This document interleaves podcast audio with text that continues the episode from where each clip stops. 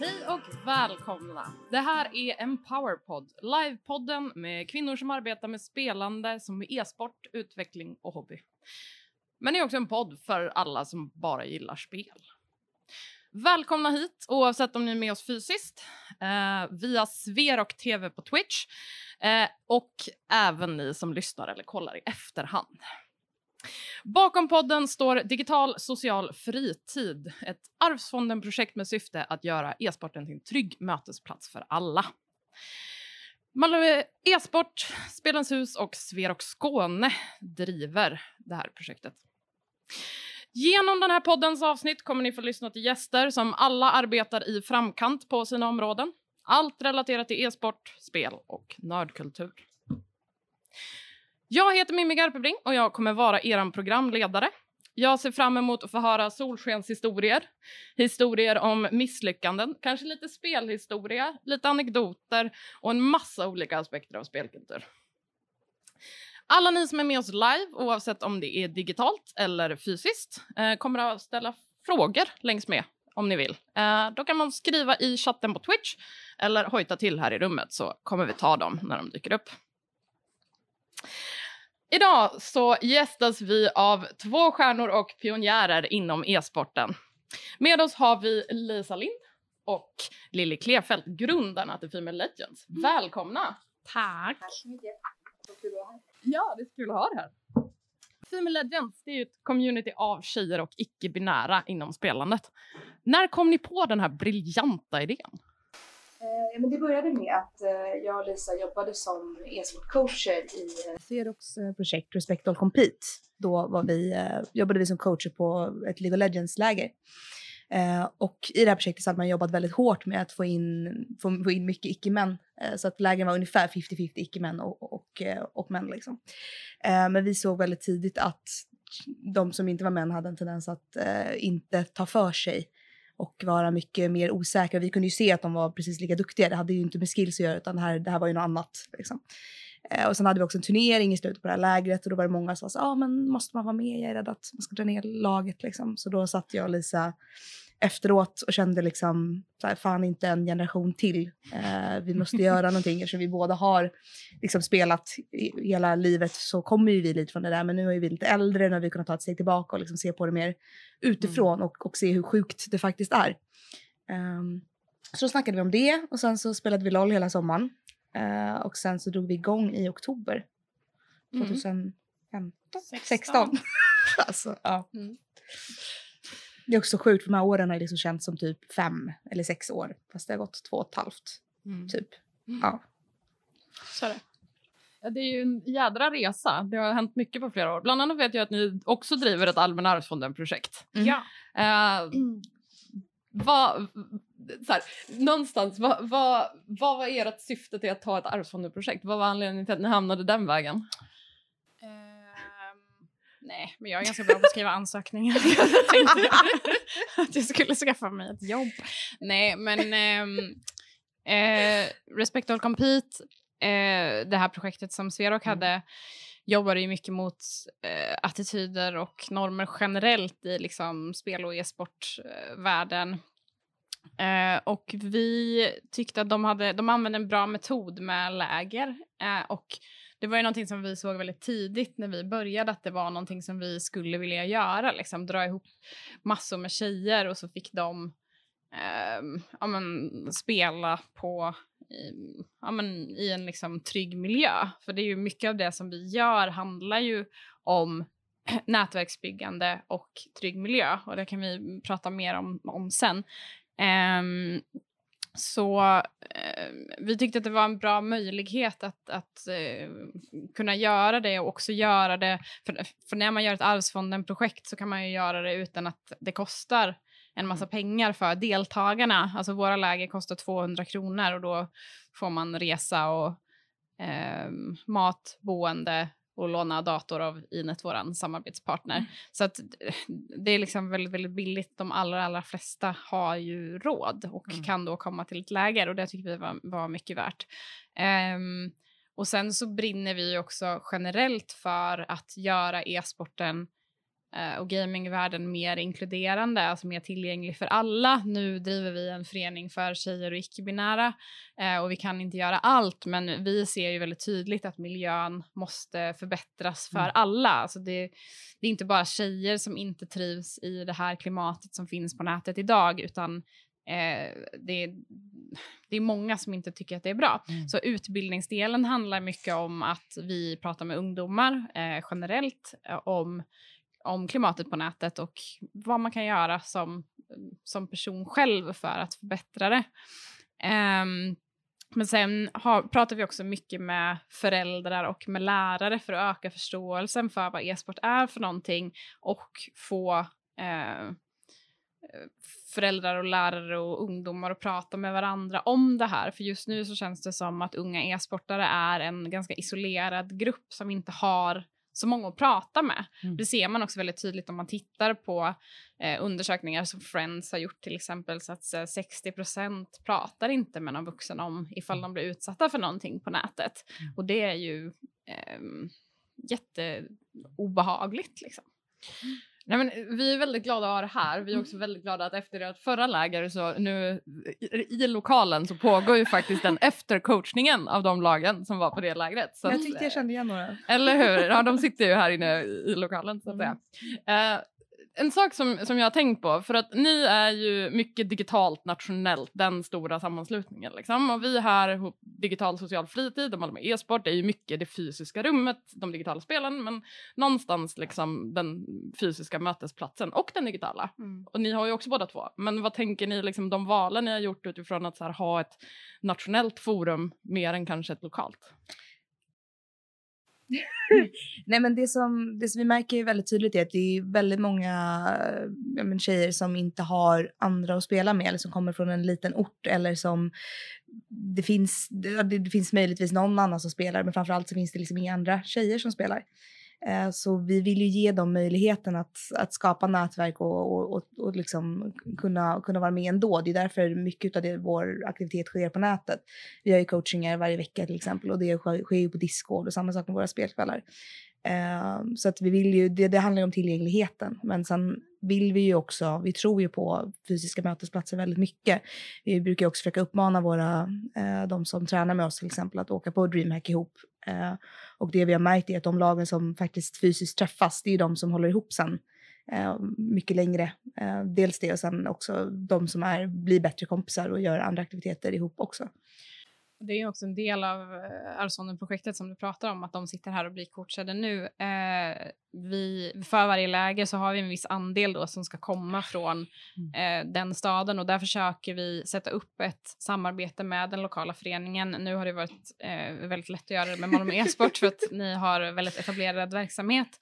Eh, och ni, det, alltså Malmö e-sport har ju ett e-sportcenter för de som inte vet det eh, med en massa datorer eh, och liksom allt är väldigt, det är bara att komma hit och sätta sig i, Mm. princip. Ehm, och eh, jag menar, det handlar ju om att vi liksom jämför det här med, blir man coachad på nätet eh, versus får man komma till en plats, eh, träffa en ungdomsledare, träffa sitt lag, blir det en annan grej lite grann? Vi tror ju det.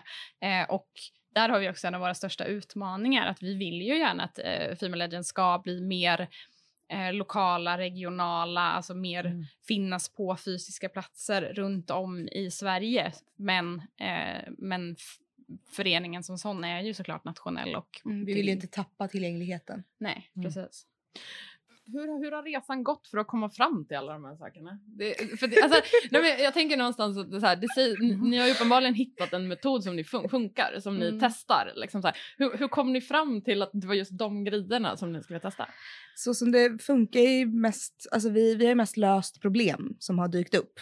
Eh, det var ju så det började. Från början så, så skulle vi bara göra en liten Facebookgrupp. Det var ju planen. Och sen så plötsligt så, så ville de i Facebookgruppen göra mer och då, då drog vi igång eh, turneringar, eh, online-turneringar och sen drog vi igång coaching, för det kan vi ju.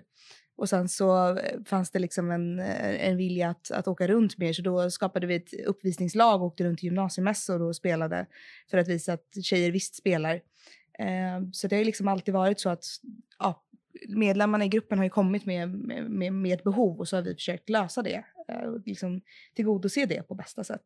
Ja, och sen har vi gjort mycket saker. Alltså det ska man ju veta att så här, Female Legends har ju aldrig varit ett liksom långsiktigt strategiskt projekt. utan Lilja och jag har gjort exakt det som vi har tyckt varit roligt för stunden. Och eh, liksom, vi har ju kört mycket trial and error. Vi, vi tar väldigt snabba beslut, gör saker liksom väldigt, väldigt snabbt. Eh, ja, men vi, vi startar coaching eh, och ser vad som händer. Alltså, vi gör en turnering och ser vad som händer. Och, alltså, mycket saker har ju varit sådana att liksom, sen har vi suttit där i med en workload som är liksom lite mer än vad vi har tänkt oss.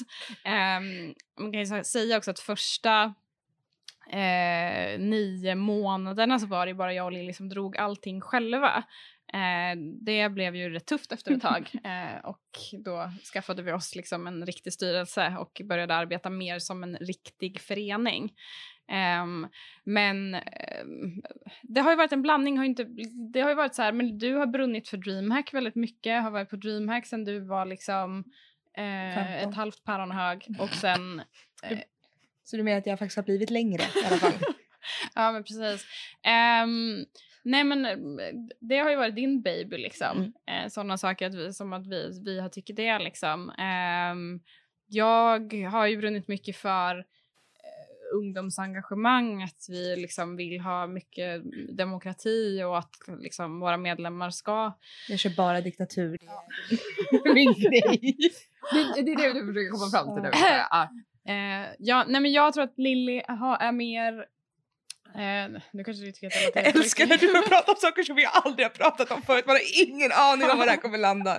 Nej, yeah, men go. Nej men så här, du är lite mer kommersiell och jag är lite mer för, ja, men, eh, förenings... Ja, men, ja, jo, men du har ju, du har en, för, precis, du har en mm. föreningsbakgrund på ett helt annat sätt ja. än vad jag har. Liksom. Så, så, vi har idéerna och sen strukturen som gör att idéerna går, kan genomföras? Eller vad är... Fast jag tror att båda två har idéerna liksom, och eh, vi, är väl, vi är ju väldigt kreativa båda två. Mm. Eh, och det, det är mycket så här att vi, vi eh, kompletterar varandra på ett oerhört bra sätt. Att vi, liksom, vi diskuterar saker och sen så kommer vi fram till någonting och sen bara, ja ah, just det, men det här låter ju skitcoolt, det gör vi. Och så mm. gör vi det. Ja, det är mycket raka, bra kommunikation bara. Sen så kommer vi fram till en lösning och så kör vi på det. Mm. Ja, men har man på tre år tagit sig från eh, en Facebookgrupp till den storleken mm. ni är idag så tänker jag att det bygger ju på att ni får mycket gjort. Eh, men just den korta tiden tänker jag också påvisar att det är ju någonting med er två. Att så här, hur, hur hamnade ni i den här sitsen att det är ni två som drar i den här liksom? Ja, alltså jag, jag började ju spela väldigt, väldigt tidigt. Eh, det var ju min, eh, den här storyn har, har jag dragit ett par gånger. Eh, så förlåt alla som har hört den. Eh, nej men eh, min, mina föräldrar skildes när jag var typ två och ett halvt och sen så träffade mamma en ny kille. Eh, också hon jobbade som skådis, hon jobbade rätt sent och då var det liksom en kväll som hon var så ah, men har du, har du lust att passa Lilly till Martin, min extra pappa? Um, och han var så ja, ja absolut det går bra. Så första gången så här, som han var barnvakt och jag var ju tre typ. Uh, och så kom hon hem och klockan är så här sent, halv ett liksom. Det är way, way too late. Uh, och allt är tänt och jag är fortfarande vaken och så kommer jag springande till henne jätte, jätteglad så här, mamma, mamma vi skjuter tyskar! och uh, vad va, va bra, vad bra älskling. Och det hade hon där dilemmat och hon såg att jag var extremt glad. Hon förstod ju att jag hade ju ett, vi hade hittat någonting som vi bondade över. Så det var ju uppenbarligen bra. Uh, men sen så började hon kolla över lite vilka spel det var som, som vi spelade. Så vissa spel kunde vi bara spela när hon inte var hemma. Ah. Ja, ah, du, du, var sådär 15 år för ung för vissa av åldersgränserna? Ja, mm, ah. stämmer. Uh, så det var ju det. Och sen så har jag alltid varit så här mot, mot orättvisor och lätt, lätt upprörd liksom. Och eh, gillar, gillar att vara inne och bråka när, det är, när, när, när saker är orättvisa liksom. Men det är ju också en fantastisk kombination att hitta passionen i spelet och så sen så ja, världen är väl kanske inte direkt så rättvis i e-sportvärlden gentemot alla människor i hela världshistorien. Du får kombinera de två sakerna. Ja, till, ja men det är ju det som har blivit liksom drömmen, spel, spel och liksom... Eh, Feminism. Äh, ja, precis. Ja. Jo, men, eh, ja, nej, men så är det nog liksom för mig med. Alltså, jag har också alltid spelat. Och skjutit tyskar? Ja, jo, men eh, ja. ja. jag har en gemensam bakgrund i uh, Wolfenstein. um, men um, sen tror jag att så här, Lilly, du var ju mer liksom nörd när du växte upp. Ja. Alltså så här, du höll ju i spelen på ett annat sätt än vad jag gjorde. Jag spelade lite grann men jag fastnade lite i den här så här, eh, var, alltså, det här som man tydligt ser att så här, tjejer slutar spela när de når typ tonåren ungefär. Eh, där var jag nog lite också, att det var mycket andra saker som eh, pockade på uppmärksamheten. Eh, så att jag slutade inte spela, men jag spelade jag ska säga mer undercover än vad jag gjorde när jag var liten. Liksom. Eh, jag pratade inte med någon om mitt spelande. Liksom. Mm. Um, för att jag kommer från en miljö, min mamma jobbar som, eh, eh som systemutvecklare, eller gjorde då i alla fall. Eh, och, så hon tog ju hem eh, datorer från när jag var pytteliten som hade spel på sig. Eh, så var, jag tror det var så som mitt spelintresse liksom föddes. Ehm, och ehm, nej men sen i tonåren och så var jag liksom ja, när, man, när man blev feminist, det låter så konstigt att säga det, men, eh, nej, men när man började fundera på de grejerna, liksom, så, så, sen dess har det alltid varit en viktig del av mitt liv, men jag har nog aldrig hittat rätt forum att eh, uttrycka det för en... Liksom, vi... Spelfeminismen var ja, det. Ja, men, men precis. Alltså, det var de två sakerna som behövdes tillsammans för att det liksom skulle bli någonting. För att jag har nog alltid haft mycket ambitioner och så här stort liksom, rättvisepatos. Eh, och tyckt också att så här, det har varit orättvisor har varit hemska. Mm. Alltså, det låter som jag inte har några känslor. ja, nej, men, ja. Mm. Jag, jag var ju alltid den som sa, satt, satt till i, i klassrummet när någonting, eh, någonting var orättvist eller någon blev utsatt för någonting. Eller mm. liksom så. så det tror jag liksom har varit min sådär, drivkraft i att, att faktiskt kunna, kunna göra skillnad på det sättet. Mm. Jag minns, jag minns ju den tiden också när, när det plötsligt blev, blev konstigt eller när det var svårt. Det var för mig i alla fall när jag kom in i mellanstadiet. För innan dess var det ingen som brydde sig att jag spelade. Eh, men då var det ju plötsligt så här, sitter du vid datan fyra timmar om dagen? Var man så här, det räcker inte, men vi kan, vi kan, vi kan, vi kan ta, ta det så. Nej men då var det plötsligt en grej och då kände jag ju så här att ja, men många tjejer behandlade mig som ett ufo och killarna trodde inte på mig. Liksom. Um, så jag minns att det var en väldigt tydlig liksom, skarv där. Uh, och då kändes det alltid väldigt tråkigt att inte få vara med. Uh, mm. De andra som spelade. Mm. Liksom. Ja. Och sen så liksom, till sist så tror jag att vi kompletterar varandra på ett väldigt bra sätt också. För att så här, jag är lite mer Eh, alltså Lilja är väldigt driven och hon är ju hon är inte rädd för någonting. Eller så här... Eh, ja, men du, du, eh, hon tar för sig på ett sätt som jag in, in, inte gör. Alltså hon, eh, det är no fucks given. Liksom. Och det, hon skäms inte för sig, så ska jag säga. Alltså, eh, men, Shameless. Ja, men det är lite så. Alltså, hon kan tjata på någon tills liksom... Ja, Ja, tills, hon, tills hon får vad hon vill. Liksom. Och det har ju varit väldigt bra. att så här, Jag kanske som sagt mer har varit så här, strategen och visionären medan du har ju varit den som har liksom, fått ringa 42 gånger till någon människa när vi har velat ha alltså jag, jag har nog inte fattat att det har varit så här för jag har ju bara trott att du hänger med. Mm. Jag har ju bara, bara kört, ja men det är klart det är så här. Mm. Nej men så är det nog. Ja men jag kan ju lite ibland känna att jag kommer med så idéer och så sorterar du ut de som är bäst och sen så liksom mm. ja, har vi kört mycket på, på det liksom. Och sen eh, kom ju du från, från liksom forskningsvärlden eller från, från doktorsvärlden. Mm. Uh, och jag, jag har ju jobbat på science fiction-bokhandeln i Gamla stan så jag fortsatte ju med liksom hela nörd, nördgrejen. Mm. Ja, Lilja är lite bredare nörd än vad jag är. Liksom. Eh, ja. Kan ju så här, brädspel och konstiga saker som jag inte har någon koll på. Ja, som jag har förstått det så har ju du sporten som helhet. Ja. Du är ju inte bara e-sport utan du, du, har ju köttsporten också. Mm. Liksom. Mm. Om, om, om, du måste välja vilken dag du tar det då? Det här måste man ju ändå liksom sätta någon på stolen bara. Alltså det är skitsvårt att svara på det när man sitter så här två dagar efter att mitt favoritlag har gått till Champions League-final och jag typ bölade hela natten för att det var så fint. Okay. Eh, det är en del fotbollssnack på kontoret alltså. Ja, ja. väldigt jobbigt för dig mm. um, Så att just nu så, så är det lite svårt. Men uh, alltså, det måste jag välja.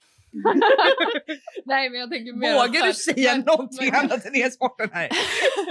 Nej men alltså vi pratade lite om så här, vad ska vi göra i framtiden. Jag, jag, skulle tycka det var skitkul att jobba med någon form av sport också. Liksom. Um, och jag tror att det är det jag gillar. Alltså, jag gillar ju spel Eh, och, och, kulturen och så, men det som jag brinner mest för tror jag är liksom tävlingsmomentet både i alltså e-sporten och den traditionella idrotten. Eh, det är det jag tycker är roligast. Jo, men det är det vi pratar mycket om. Det är inte så stor skillnad och det är väldigt många som är både sportintresserade och e-sportintresserade. Det handlar ju om att det är samma, samma typ av tävlingsmoment i mångt och mycket. Ja. Liksom.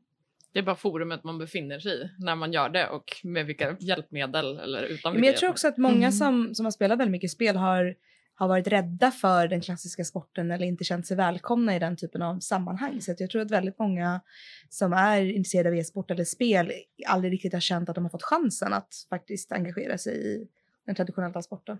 Mm. Men och apropå det, alltså ni, ni har ju på något sätt blivit experter eh, på att skapa trygga rum. Men att skapa trygga rum är ju också någonting som ofta kräver en ganska stor grundtrygghet. Och jag tänker att det skaffar man oftast i varandra. Liksom. Hur, hur började ni hänga ihop? Vad, vad var liksom grundpunkten till att ni kunde skapa allt det här? Var kom radarparet från? Alltså, det här, det här känns så konstigt, men det känns som att vi också haft tur. Alltså att vi eh, redan, jag vet inte riktigt. Som sagt, vi bara spelade ju jätte, jättemycket spel med varandra och i en miljö eh, med liksom väldigt schyssta personer som har stöttat oss, både liksom tjejer och killar. Eh, de som vi spelade med var ju liksom fantastiska och är fortfarande och har liksom stöttat oss genom hela den här biten och många av dem har ju liksom ställt upp eller tvingats ställa upp på olika saker. De Du, coachar. behöver en... Ja. ja men precis, liksom, ja men ni vet varit chaufförer eller coacher eller ma- massa sådana saker. Mm. Ehm, för att vi hade ju egentligen inte känt varandra speciellt länge när vi drog igång. Alltså vi hade känt varandra kanske fyra, fem månader. Mm. Ehm, Och vi började ju 3 oktober drog Facebookgruppen igång. Ja. Uh, Och vi gjorde våran, våran första fysiska grej gjorde vi i januari sen kommande år. Då åkte vi till Askersund eh, med, ett, eh, ja, med ett tjejlag. Och jag har ingen aning om, i och för sig nu sitter ju Linn som var med redan då, sitter i vår styrelse nu, så vi kanske inte gjorde så mycket fel.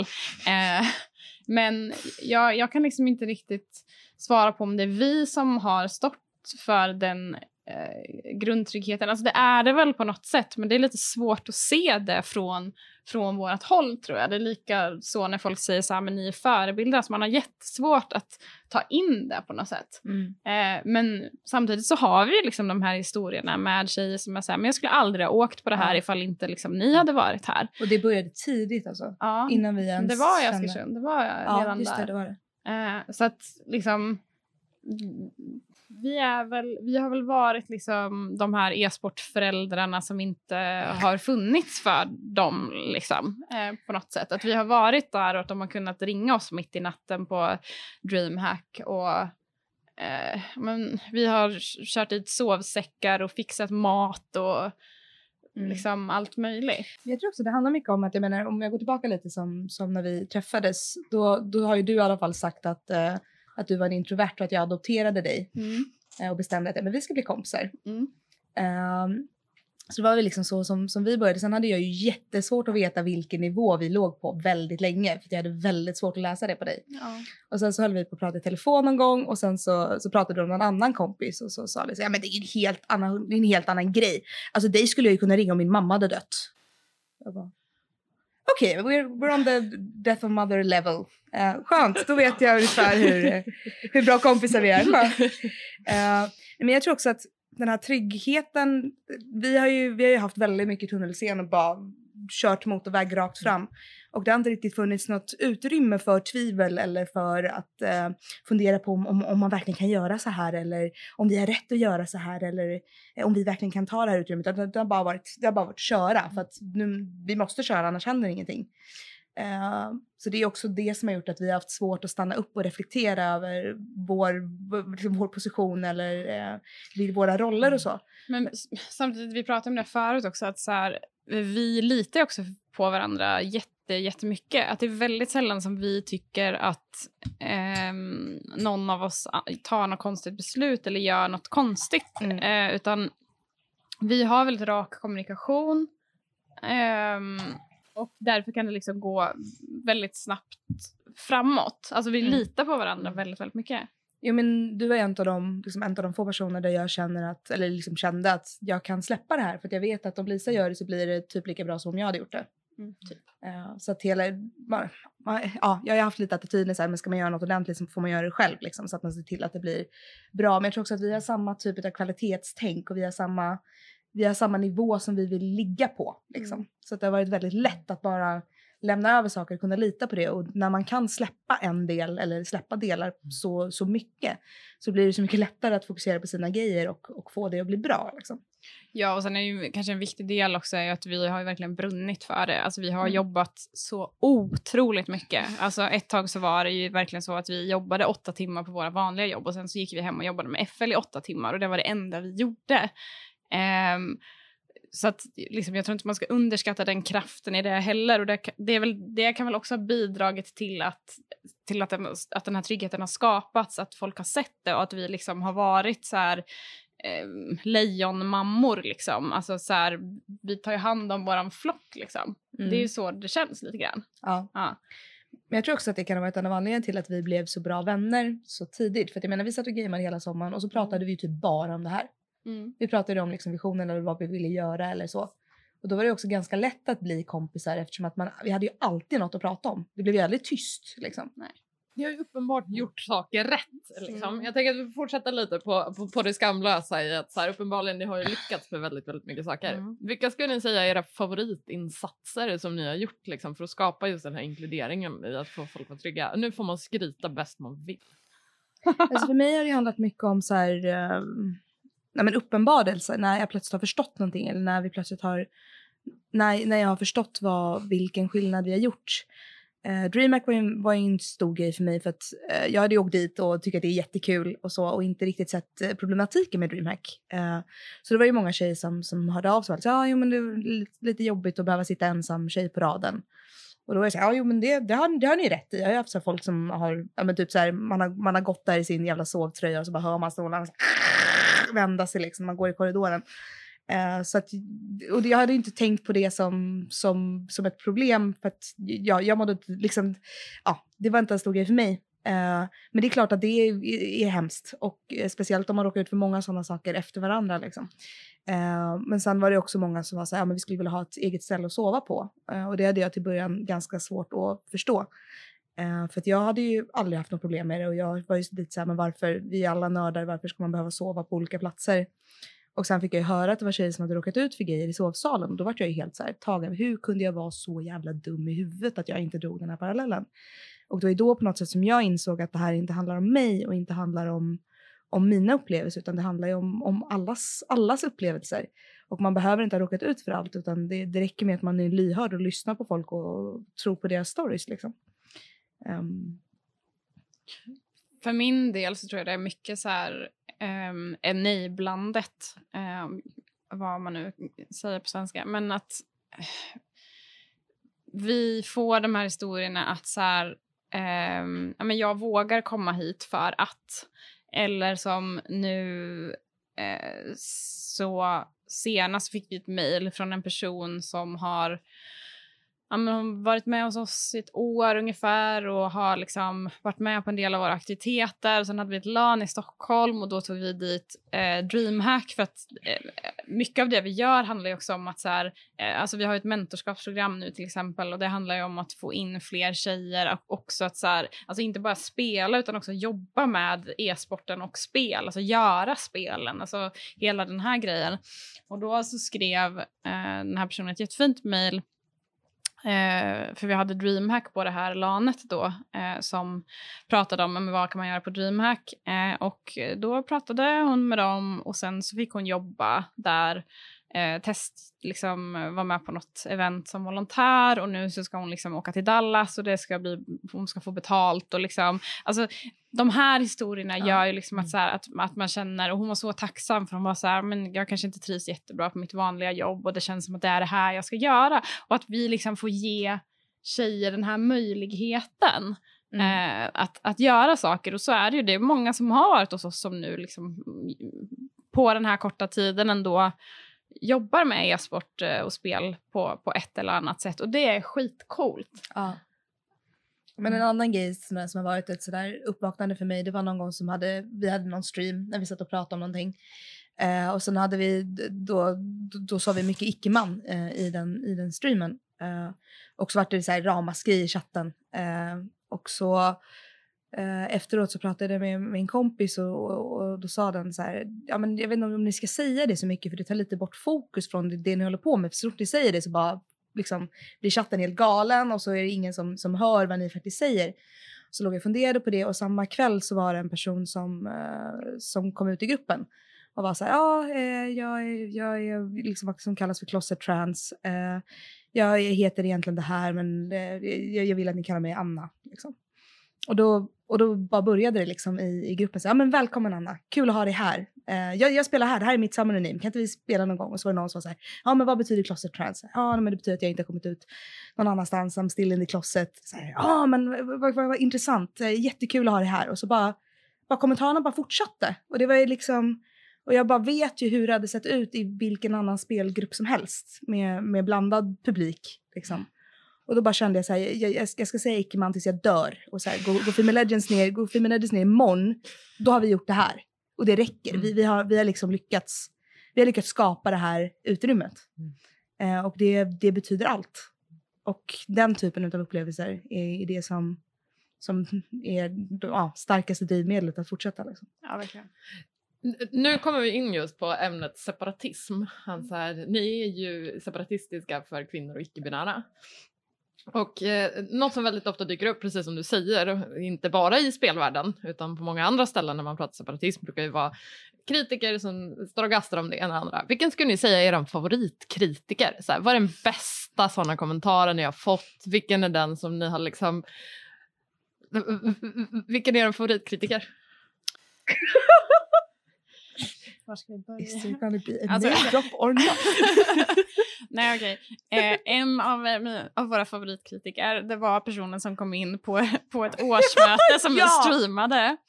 Ehm, och, och, och skrev i chatten så här, jag kom in för att trolla men det här är ju jätteproffsigt. Den här personen var också kvar sen hela årsmötet och ställde frågor om budgeten och var så imponerad. Ja, det var skitkul. Ehm, ja, den var bäst. Nej, men eh, CS-killar är ju generellt våra främsta kritiker. Så fort vi skriver någonting i en eh, CS-grupp så, kom, så får ett inlägg 759 kommentarer. Och det är typ så här, det kan vara så här, hej, vi startar träningar för, för, eh, i CS för tjejer. Liksom. Och då är det så här 759 kommentarer, varav typ så här var sjunde kommentar är jag definierar mig som en attackhelikopter, får jag också vara med? Eh, och de är roliga, för att då kan man vara så här, alltså, då tycker jag det är kul att vara lite så här, kunde ni, du inte i alla fall läst tråden vad de andra har skrivit innan dig? Liksom. Här kommer du och är väldigt unik som attackhelikopter, men ni kanske kan starta ett eget community. Ja, jag fick De verkar ju finnas tillräckligt många för att kunna starta en egen förening. Ja, men Mail Legends har väl vadå? Fyra medlemmar Mm. eller något? Mm. Ja. Så att, eh, gå in på Facebook-chatten och eh, gå med i Mail Legends så de också får lite stöd. Mm. Um, nej, men sen så finns det ju... Uh, jag vet inte, det, det, det känns som att det är men- många som inte riktigt fattar liksom, eller de bara läser och så är de så här, men varför ska tjejer få de här fördelarna som inte killar får? Och då är det så här, ja, men som att vi rabatterar våra biljetter på DreamHack liksom. Och det är så här, men det är en föreningsrabatt. Starta din egen förening så kan du också rabattera din, din DreamHack-biljett. Liksom. Starta en Sverok-förening eh, för ditt lag så har ni ju eh, DreamHack-biljett sen. Liksom. Mm. Ehm, så, så det är mycket, jag vet inte. Jag, jag skulle inte kunna säga att vi har fått någon kritik som jag har känt har varit så här, det här kan vi inte bemöta. Nej.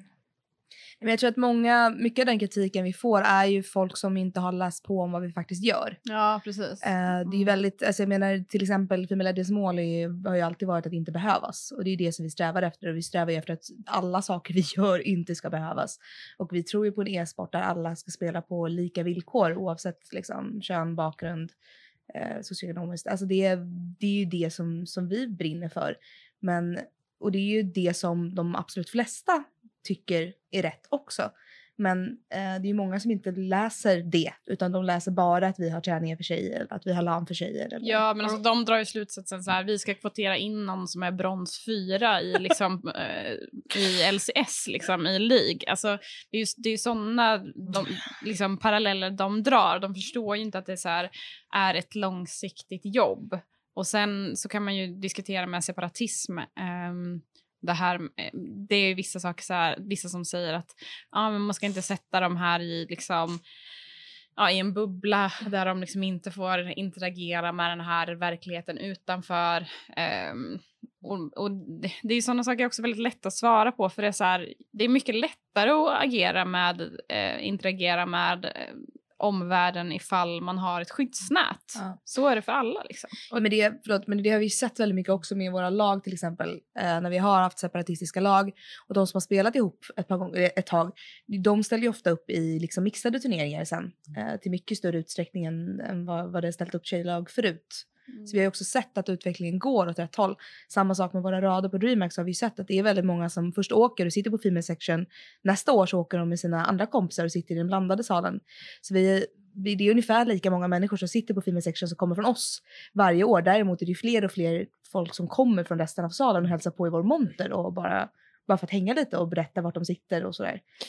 Och det är en story som också gör det väldigt tydligt just med separatismen som metod, inte som med mål. Eh, mm. Det fungerar ju uppenbarligen. Så här, du, du, får grundtryggheten, du får en basplatta du kan stå på och då behöver du kanske inte separatismen sen. Men nej. slutmålet är inte att man ska sitta på separata avdelningar utan nej, slutmålet gud, är att man ska vara trygg på platsen. Alltså, det är också precis det som vi har, det som jag upplevde väldigt starkt och det som nu har vi haft vårt, vårt första läger och eh, en del av det läget är ju intervjuer Uh, och det är ju den här känslan av utanförskap eller att man inte får vara med, att man aldrig är en av gänget. Även om man har ett gäng liksom, killar som man spelar med så är man fortfarande alltid tjejen i gänget. Uh, och att bara inte få vara, ba, att bara inte få vara gamer liksom. Att det är det som egentligen är det absolut jobbigaste det, med separatism så är det ofta kritikerna, efter ett tag så börjar man sluta vara lite trött på dem. Att så här, just det, så här, du är så himla unik. Mm. Uh, men jag tänker att det kanske finns fler som är trötta men som inte riktigt vet hur de ska möta det. Vad är ert bästa tips till snubben som tycker, ah fast alltså nu så sköt han sig inte riktigt. Min kompis, ah det där kanske man inte skulle ha sagt. Vad är, vad är bästa tipset där någonstans? Men det som vi har märkt mycket är att eh, det som Lisa var inne på tidigare är ju att det är väldigt, väldigt många som inte är bekväma i, i den här attityden och ibland de här normerna. Eh, och det är många av dem som vi har gameat med också som, som har slutat i sina andra gäng eller som har hängt i vårat gäng istället för att det är så mycket skönare att, att gamea där. Eh, så att ofta så kan man ju tro att den personen som beter sig har medhåll men i själva, själva verket så sitter resten av laget också och tycker att det är jobbigt. Så om man väl vågar säga till så har man ofta väldigt mycket medhåll. Uh, ofta är det så att alla sitter och lider på sin kant istället för att liksom prata om det och lösa problemet istället. Men, ja, jag tror inte det behöver vara så himla dramatiskt heller. Man kan bara säga äh, det där var inte schysst. Mm. Uh, jag, jag, tycker det räcker och sen så... Uh, ja men... Ja, det är som du säger. Jag tror inte att det är... Det är de flesta tycker inte att det är så nice liksom. Och de skulle göra det kanske i andra sammanhang. Det är just att det är så himla mm. accepterat mm. inom inom gamandet att göra det. Um, tror jag. Det var också väldigt intressant. Alltså under Respect All Compete så var det väldigt många liksom, killar som man såg som kom in med en väldigt hård attityd och som hade det liksom, man, man såg att de hade ett väldigt liksom, starkt skal eller vad man ska säga. Mm. Men många av dem som sen lämnade läget var mycket, ja, men mycket gladare och mycket mer avslappnade och kände som att de hade hittat liksom, en, en roll som de trivdes i. Mm. Ja, precis. Och sen så tror jag också det är viktigt att vi pratar om det här personliga ansvaret som man har. Att, eh, för när vi möter ungdomar eh, på eh, men, i andra sammanhang också, alltså både, både tjejer och killar, men det återkommande bland, eh, bland unga eh, är ju att så här, men det är så här. Jag kan inte göra någonting åt det här för det är så här. Hela liksom Reddit är så här, hela nätet är så här. Um, och eh, då måste man börja prata om det här med att så här, men, men om det börjar med dig i alla fall, ifall man känner själv att så här, men jag, jag sa i alla fall ifrån, liksom, att så här, jag tar ansvaret för att hålla rent runt mig. Liksom. Det, det tror jag är en bra början. Grymt. Jag tänker att det är ett alldeles, alldeles utmärkt slutord innan rasten. Eh, mm. Det är nämligen så att forskning har bevisat att efter ungefär 45 minuter så tappar de absolut flesta människor allt totalt fokus om man sitter och lyssnar på saker. Så jag tänker att vi ska sträcka på benen lite och eh, de som sitter och lyssnar ska få jobba tillbaka fokuset kanske med en kopp kaffe eller vad det nu kan vara. Eh, under rasten så kan ni också passa på att ställa frågor och så är vi tillbaka om en kvart. Tack ska ni ha. Tack så mycket. Hej och välkomna tillbaka till Empowerpod, livepodden med kvinnor som arbetar med spelande som e-sport, utveckling och hobby. Och välkommen tillbaka till våra gäster Lisa och Lilly. Tack så mycket. Eh, innan eh, vi gick på lite så här rast så pratade vi om er resa, om eh, utmaningar, om separatism. Men om ni nu istället fick börja prata om vad är den utopiska e-sportvärlden? Hur ser världen ut när den saknar alla de här problemen? Då är alla, alla har alla samma förutsättningar. Ja. Vill du utveckla? Det var klart så. Nej, men... ehm, Men kön ska vara totalt irrelevant. Det bara handla om liksom, ambition och skills. ja, precis. Kön, hudfärg och all, liksom allt annat som vi alltid snackar om i de här sammanhangen. Ehm, det brukar ju... eh, man brukar ju se liksom på proffsscenen vad som händer nere i, i, eh, i leden. Eh, så det är klart att vi vill se eh, fler tjejer på, på proffsscenen eh, och människor med olika bakgrund. Eh, så det är klart att det är utopin att alla, alla som vill vara med ska få vara med eh, Mm. och att det inte ska finnas några liksom, strukturella informella hinder för, för att kunna göra det som man älskar. Liksom. När tror jag att vi är där? När man slutar vara tjejer inom e-sporten och bara är inom e-sporten? Det beror ju helt på hur många som tar ansvar. Det, är- det är klart att det, vi kan ju se att, det, att det, det är bättre nu än vad det var när vi började. Men det handlar ju också helt om, om vad, vad företag och andra med makt väljer att göra nu och hur mycket resurser man väljer att lägga på det. Det kan ju gå på, på liksom fem år och det kan gå på, på 200 år. Det beror ju helt på. Vi på Digital social fritid jobbar ju också mycket med den här typen av frågor. Eh, och eh, vissa gånger är det lätt och vissa gånger är det svårt. Vi ägs ju av Malmö e-sport som är en lokal e-sportförening i Malmö. Eh, vad skulle ni säga är det bästa tipsen till en förening som vill börja jobba med de här frågorna? Hur börjar man ta det här ansvaret liksom som förening strukturellt? Jag skulle säga så att ta hjälp. Eh, ring de som har gjort det, gjort det förr. Eh, och det är mycket det som, som våra, våra mejl består av också. Folk som, som vill ha tips och eh, frågar saker. Och det, det tycker jag är, är det bästa. Man behöver inte uppfinna hjulet igen. På samma sätt som vi hör av oss till olika organisationer när vi ska göra saker för att få, få tips och råd om, om grejer. Man, eh, man är inte ensam. Nej, men precis. Och sen eh, hjälpen behöver inte alltid vara så långt borta som man tror. Liksom. Att om man bara lyssnar på ehm, den, liksom, den tjejen som råkar vara med i den här föreningen då, för då och då så händer det ju faktiskt att det finns någon, någon tjej där. Ehm, och eh, ja, men, försöker att verkligen, verkligen lyssna också och, och låta henne ta plats och få prata. Ehm, det gör jättestor skillnad. Och sen så handlar det mycket om såna här lätta saker som representation, hur man marknadsför. Ehm, jag ehm, träffade ju min kille när han gjorde ett LAN för två år sedan och han var så här, vi vill ha mer tjejer. Och det första jag sa då var, var liksom så här, jag gick in på hemsidan och där var det så fem killar på rad som arrangerade det här LANet. Mm. Det var liksom så här, men vad tror du? Liksom? Ni är, det är fem snubbar här och det är, fem, det är killar som sitter och lanar på bilderna.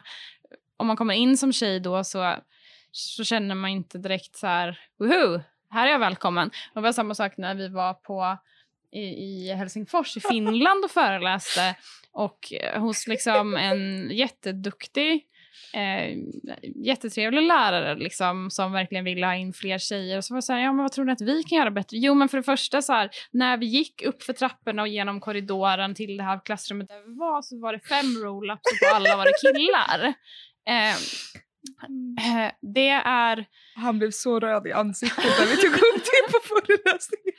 Ja, nej men, och det är ganska klassiska saker. För det är alltid så att så här, är man, är man, vi upplever också att så här, många företag och så är ofta rädda för att de ska förlora den publiken som de har nu, vilket såklart till största delen är killar. Men det kommer inte hända. De är kränkta ett litet tag, men sen så går de vidare. De vill fortfarande fortsätta att spela sina spel. Liksom. Mm. De, eh, det handlar ju om liksom nudga dem i rätt riktning. Eh, lite grann. Jag, jag har två inputs på det här. För det första så det som vi upptäcker ofta är ju att eh, tjejer kommer in med attityden att de, de flesta tjejer som, som spelar de har blivit brända vid något tillfälle och känner att ah, men det här är inte för mig. Så det första man måste göra är att övertala dem att säga att den här gången blir det annorlunda. Eh, den här gången så är ni välkomna. För det många tror är att liksom tjejer och killar börjar på samma nivå men så riktigt så är det inte. Killar är vana vid att de är välkomna och de känner alltid att det här är för mig. Mm. Medan tjejerna måste man börja med att säga jo det här är för dig för att det här är annorlunda från hur de här grejerna brukar gå till. Eh, och sen så med det här med att företagen är rädda att liksom förlora sin, förlora sina um, den, den publiken de redan har för att de plötsligt blir okola Liksom. Det de inte fattar är att det är de som bestämmer vad som är coolt. Om de säger att ja, men de här de här förhållningsreglerna har vi, så här och så här beter vi oss i chatten, så här beter man sig när man spelar vårt spel.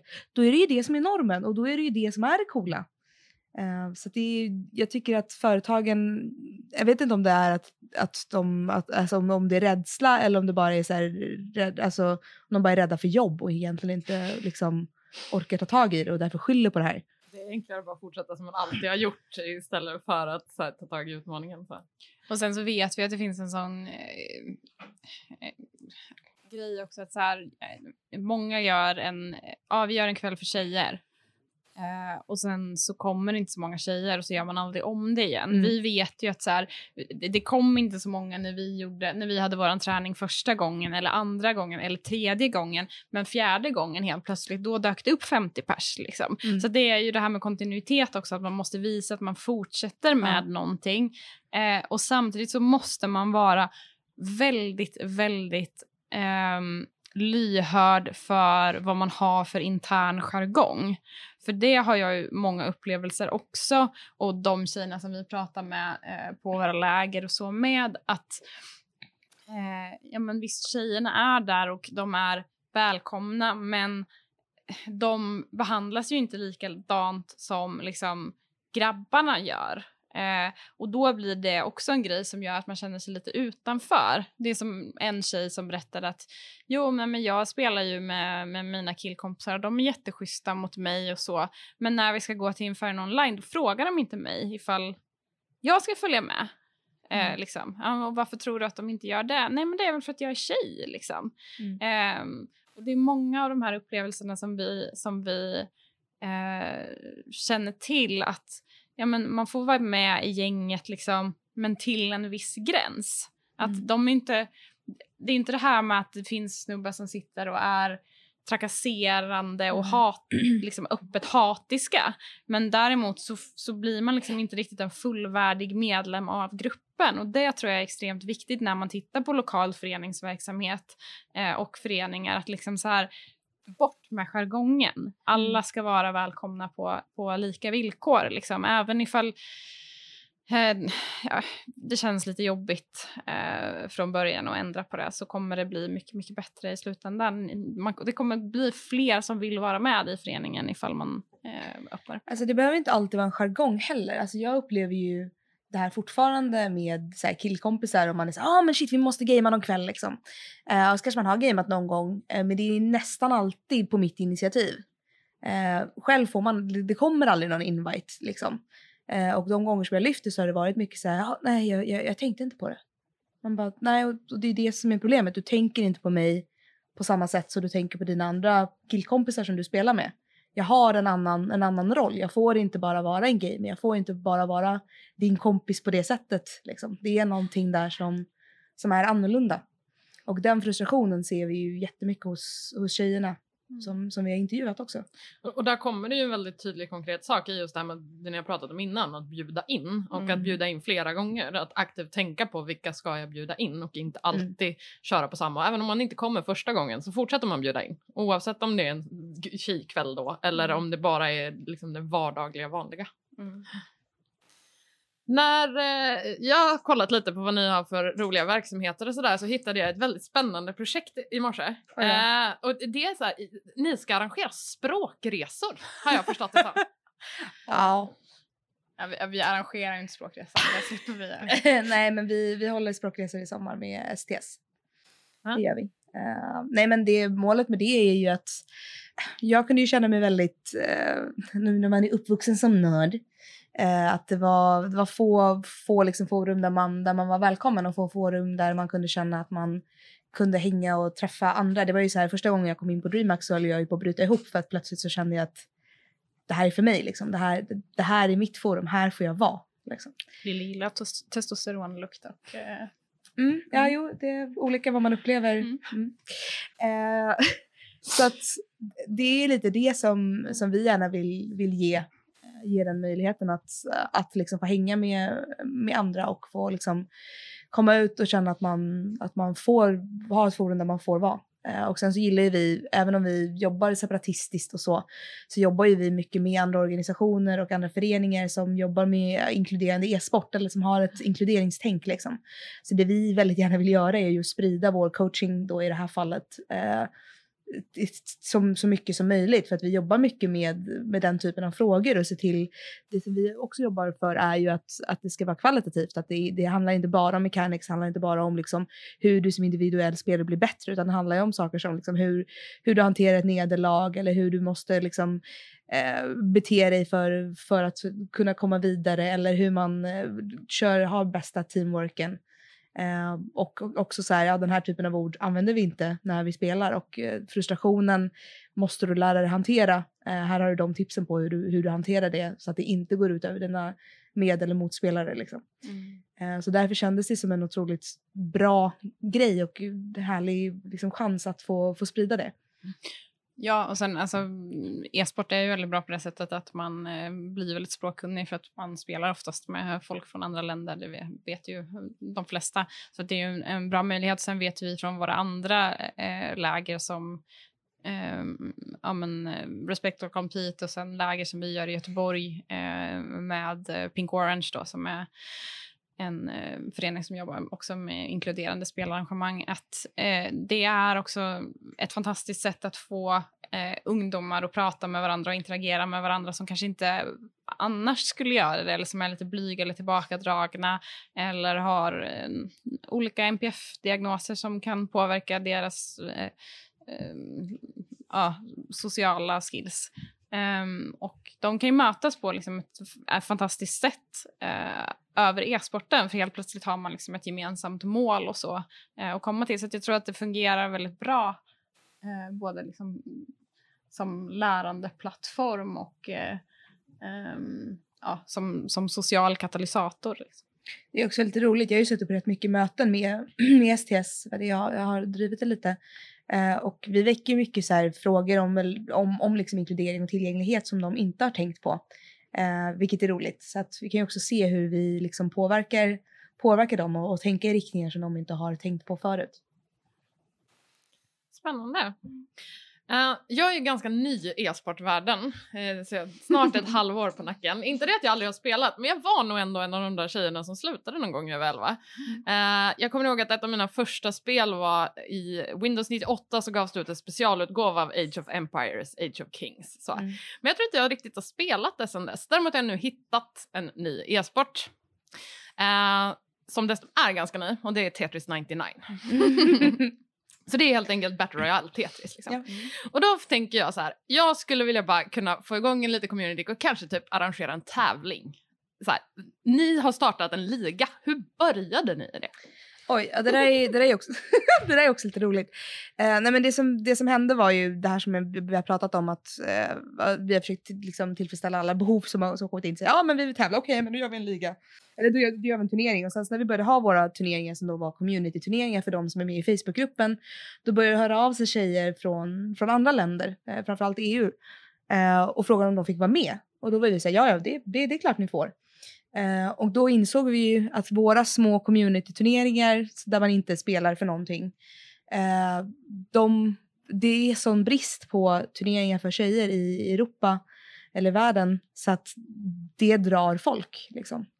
Så det var ju det som låg till grunden för det som nu är Women's E-sport League eh, som vi gör tillsammans med Challenger Mode. Men ja, får jag bara bryta Ja, in kör. där? För då fick vi liksom ett annat problem. Och det var ju att helt plötsligt så kom det så här eh, lag som så här besiktas e-sports som liksom är så stora organisationer.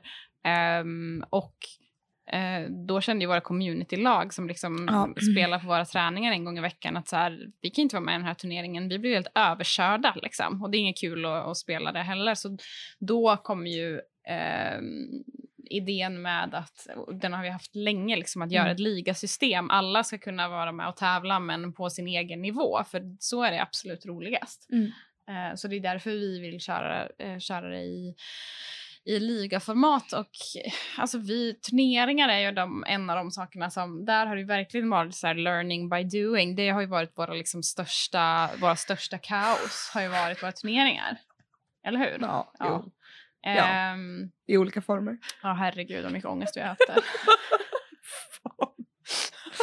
Mm. Ehm, ja. Liksom, Vilket är ert favoritmisslyckande? Vilket är liksom den som, som så här, jag höll på att säga lärde er allt ni kan. Ni har gjort allting fel så nu kan vi göra det rätt.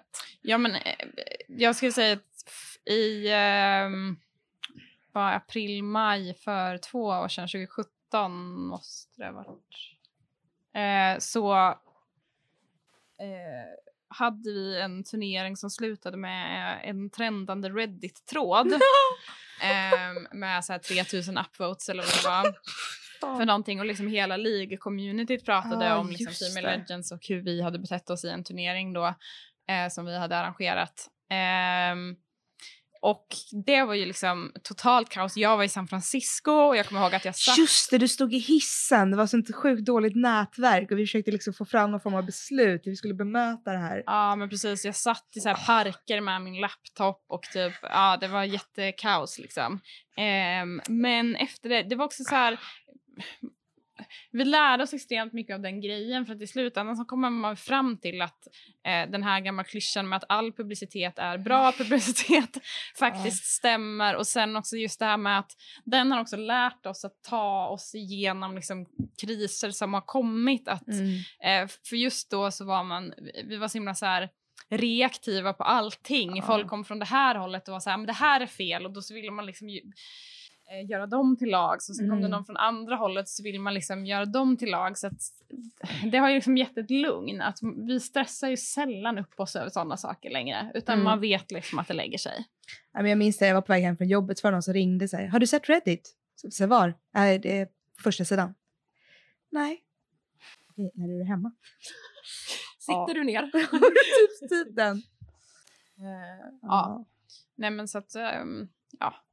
Men så, men för mig, jag undrar liksom så här, vilken, vilken ände börjar man i? Så här, om jag bara vill dra ihop och få folk att börja spela det här med mig på ett rimligt sätt, vad gör jag då? Mm jag skulle höra av mig till, till de organisationer som jag... Eh, först, först hitta någon och göra det med, att inte göra det själv utan se till att man, man har en grupp liksom, eller att man åtminstone är två. Sen bestämma i vilken form man vill göra det, om det ska vara fysiskt eller om det ska liksom vara online. Och sen skulle jag, eh, liksom, antingen om man vill ha någon grafik eller liksom hur man vill utforma en post. Och sen skulle jag börja posta i olika Facebookgrupper eh, och möjligtvis prata med någon annan organisation som redan är etablerad och fråga om de vill vara med om man inte vill göra det själv. Det kan vara skönt att få lite stöd första gången. Liksom. Men sen tycker jag också att man ska våga. Det handlar Mm. mycket om det. Liksom, att ibland så måste man kasta sig in och kamikaze göra saker. Eh, och... ehm, Hamna på Reddit. Ja, precis.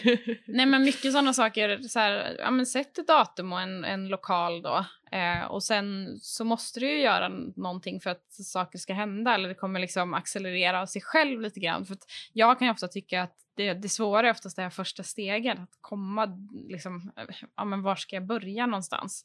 Men börja någonstans. Bestäm en tid och ett datum och en lokal. Det, det, kan, det kan räcka liksom. Men sen som Lilly säger, det är ju jättebra att ha ett gäng med sig och leta på nätet eller i lokala föreningar eller Sverok eller vad det kan vara för någonting. Ehm, Man kan också höra av sig till de som har arrangerat saker förut. Hej, hur gjorde ni? Eller, eller så här, eh, om ni skulle göra en småskalig, hur, var, var skulle ni börja? Liksom. Ja, men folk är oftast väldigt hjälpsamma Ja. eh, i communityt ändå. Det upplever jag, även om, om man liksom tänker generellt att så här, ja, det är sketen miljö på nätet och alla skriker och vrålar och är taskiga mot varandra. Så de som liksom väl arrangerar saker och är strukturerade och organiserade, och de är ju väldigt schyssta och hjälpsamma. Jag har- nog liksom aldrig stött på att någon har bara nej, utan Nej. Ja. Men då är det tur till exempel om man bor i Göteborg så kan man ju hojta till er och bor man här nere i Malmö så kan man ju hojta till Malmö e-sport. Det, Mm. det finns ju fler Mm. i landet också. Mm. Men, det är Men det, sen är det också ett stort kontaktnät. Ofta, ofta kan man ju hojta till den man, den man känner till och så kan de peta på folk ifall man vill göra det lokalt. Peta in i rätt riktning liksom. För det är ju de flesta inom, inom liksom föreningslivet i alla fall som håller på med e-sport har ju kontakt med varandra på ett eller annat sätt.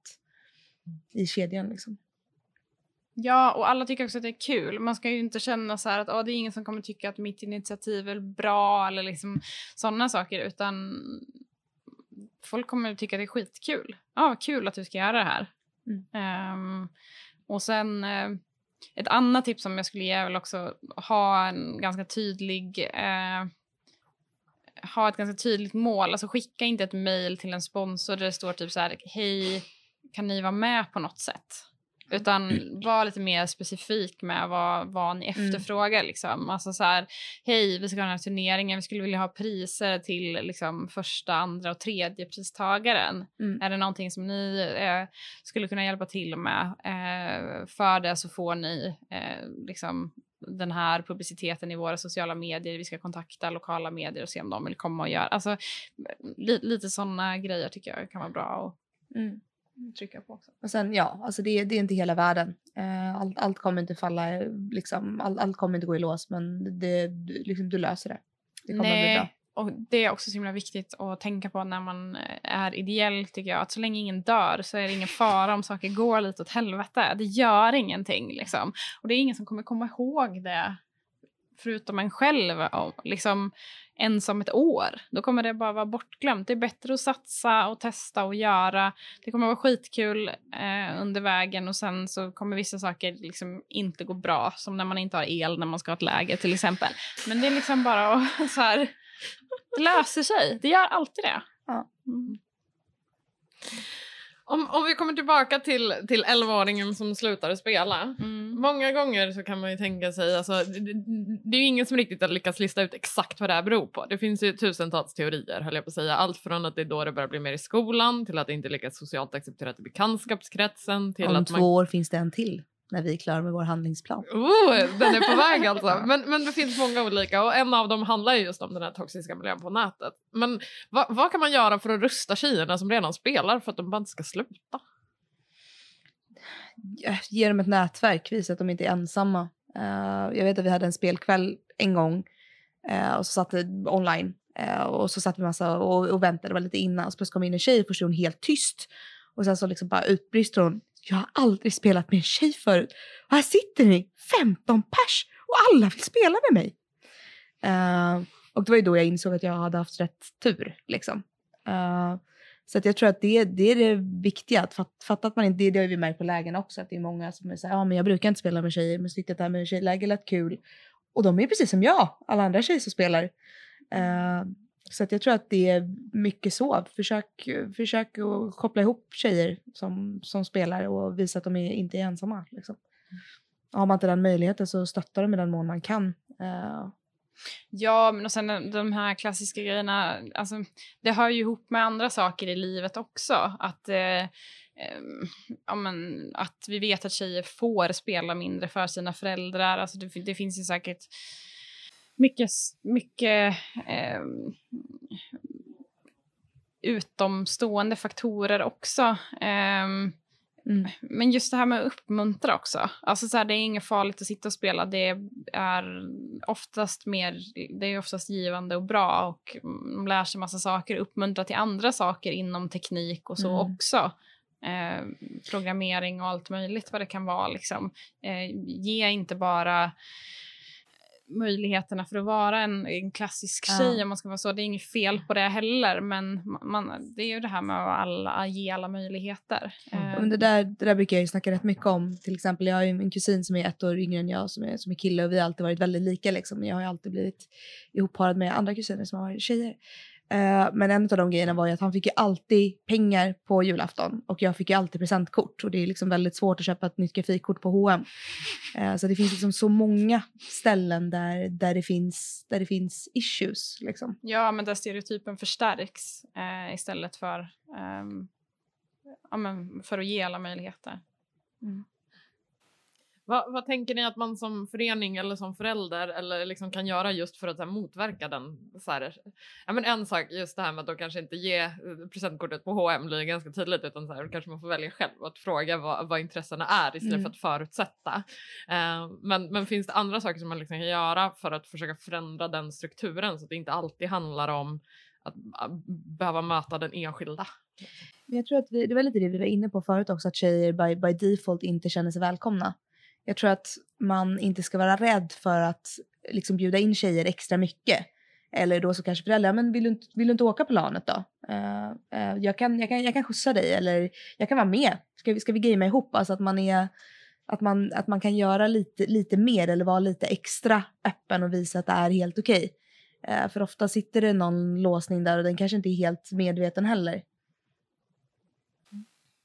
Nej, men jag håller med. Alltså, jag tycker oftast att det är liksom extremerna vi möter. Att det är så här, antingen är det eh, de, alltså de, de tjejerna som typ har åkt till DreamHack med oss de kan komma dit med liksom deras föräldrar som vill veta mer och är superpeppade och liksom vill verkligen uppmuntra det här intresset. Och sen har vi de eh, ofta då som är lite äldre som har varit så här, men mina föräldrar fattar ingenting och det här har jag gjort helt själv liksom i, i hela mitt liv. Mm. Eh, så jag tror att det är en stor del av det just att så här, eh, föräldrarna inte har eh, kunnat uppmuntra det här spelintresset som har funnits och att det slår hårdare mot tjejer just för att Um, just för omgivningen, alltså om man inte har så många kompisar. Killar tar sig igenom det där ändå för att de har tio kompisar som också spelar Fortnite. Liksom. Mm. Uh, men, men för tjejer blir det svårare om man är helt ensam i det.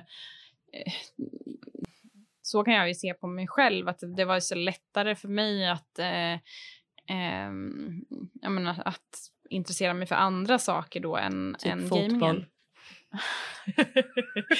det finns ingen strid här överhuvudtaget. Ingen skiljelinje. Liksom. Nej, Lilly hatar inte sport. mm. Ja.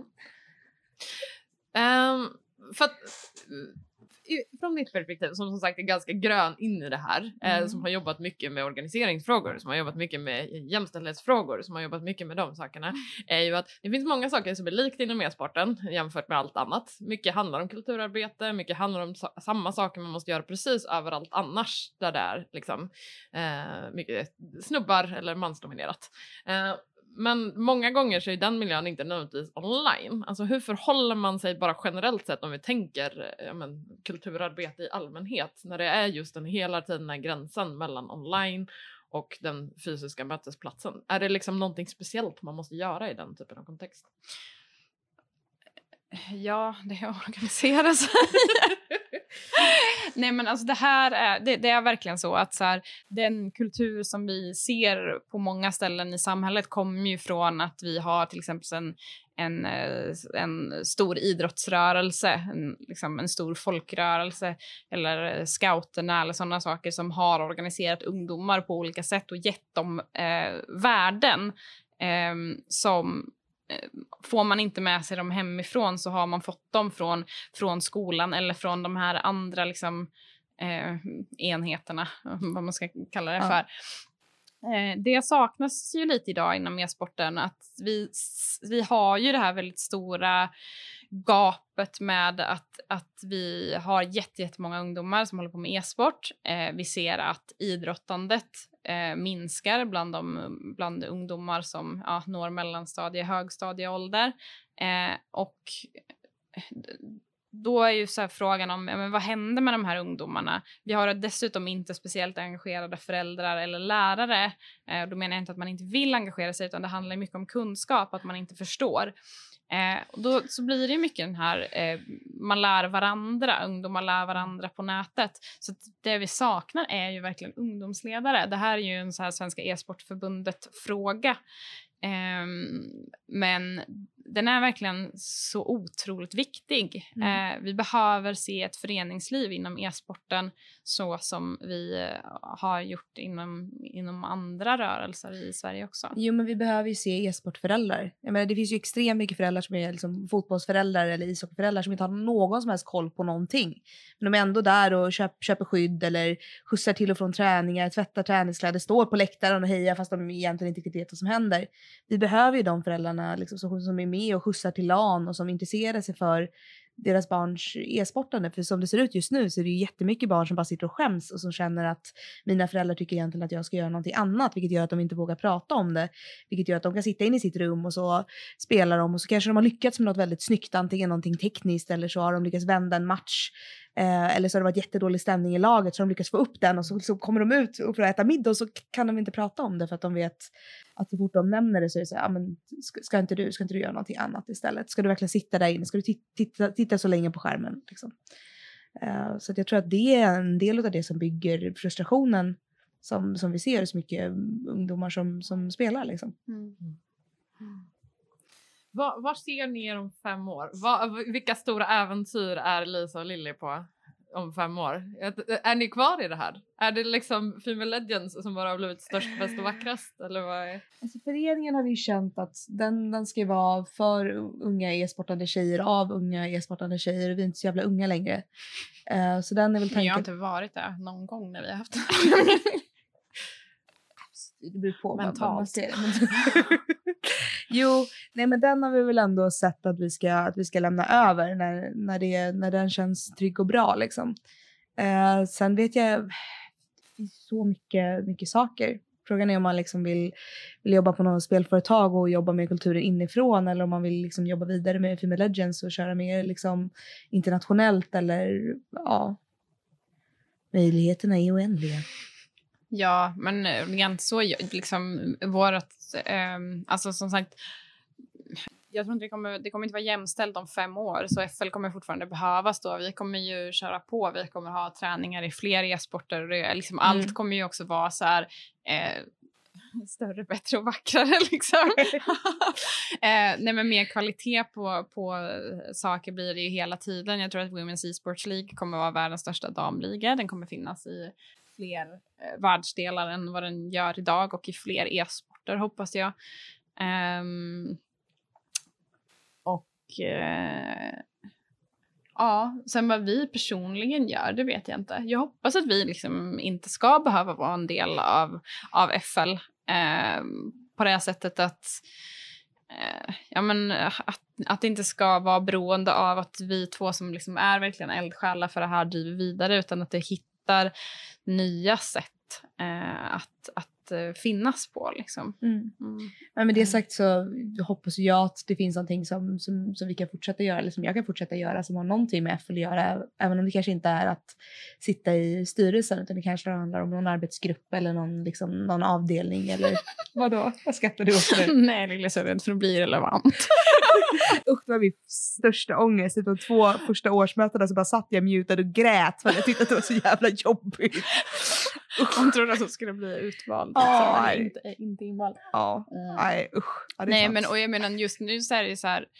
Ehm, visst, vi är fortfarande väldigt starka röster i FL och framförallt utåt är vi ju det. Men vi har ju en styrelse på liksom tio personer Ja. där alla har olika ansvarsområden och alla är verkligen helt fantastiska. Ja, Eh, och vi driv, alltså just nu, vi, FL drivs ju mer eller mindre som ett företag och varje Ja. person jobbar oerhört mycket och Ja. väldigt hårt. Och, ja, men bara att vi liksom styr upp hela Women's Esports League helt ideellt är ju ehm, med en, en produktion som är så proffsig och eh, ja, men helt fantastiskt. Eh, det är helt amazing liksom. Och Ja. Ehm, finalerna på det kommer ju att hållas på, eh, på Nordsken eh, första juni. Håll utkik efter eh, news för det, för det är riktigt eh, coola Ja. grejer som eh, händer. Mm. Kommer pressmeddelande förhoppningsvis den här veckan. Mm. Så jävla pepp. Eh, om ni har en sak som ni skulle skicka med för alla som vill vara en del av att skapa framtidens e-sport, vad skulle det vara? Ett ord. Go. Skönt. Ja. Word association. Ehm, det funkar alltid det här med att vara snäll. Ja, Du tyckte det var lite mesigt. ja det tyckte jag. Ja. Eh, nej men det här med dels, dels det här som vi har pratat om, kör. Bara så här, testa, do it. Eh, lär, lär dig av att, av att misslyckas. Eh, be, om, be om hjälp, fråga folk som kan. Eh, och... Och var snäll. ja, du har sagt det en gång. Eh, nej men och där du inte har erfarenhet, frå, fråga andra och lyssna. Eh, och var beredd på att ta in andras erfarenheter. Liksom. Mm. Och var snäll. Bra slutord. Tack till alla som har varit med eh, under premiäravsnittet av Empowerpod, podden som är gjord för alla som gillar spel. Vi på Digital Social Fritid vill tacka alla som har lyssnat, eh, men såklart ett särskilt tack till våra gäster Lilly och Lisa, eh, till Sverok TV och Panasonic som hotat oss, eh, Tim och Micke som stått för produktionen och till Vanim för idé, upplägg och precis allt annat. Dessutom såklart stort tack till Arvsfonden som gjort såväl Digital Social Fritid, Malmö e-sports eh, Arvsfonden-projekt, Framtidens e-sport, eh, Female Legends Arvsfonden-projekt och Sverok TV, Sveroks Arvsfonden-projekt möjliga. Jag heter Mimmi Garpebring och Empowerpod är tillbaka nästa vecka. Då gästas vi av Sam Bäfenberg från Leia, nätverket för spelande tjejer, och Gabrielle de Borg, rollspelsskribent och nördföreläsare. Tills dess, äg nördigheten.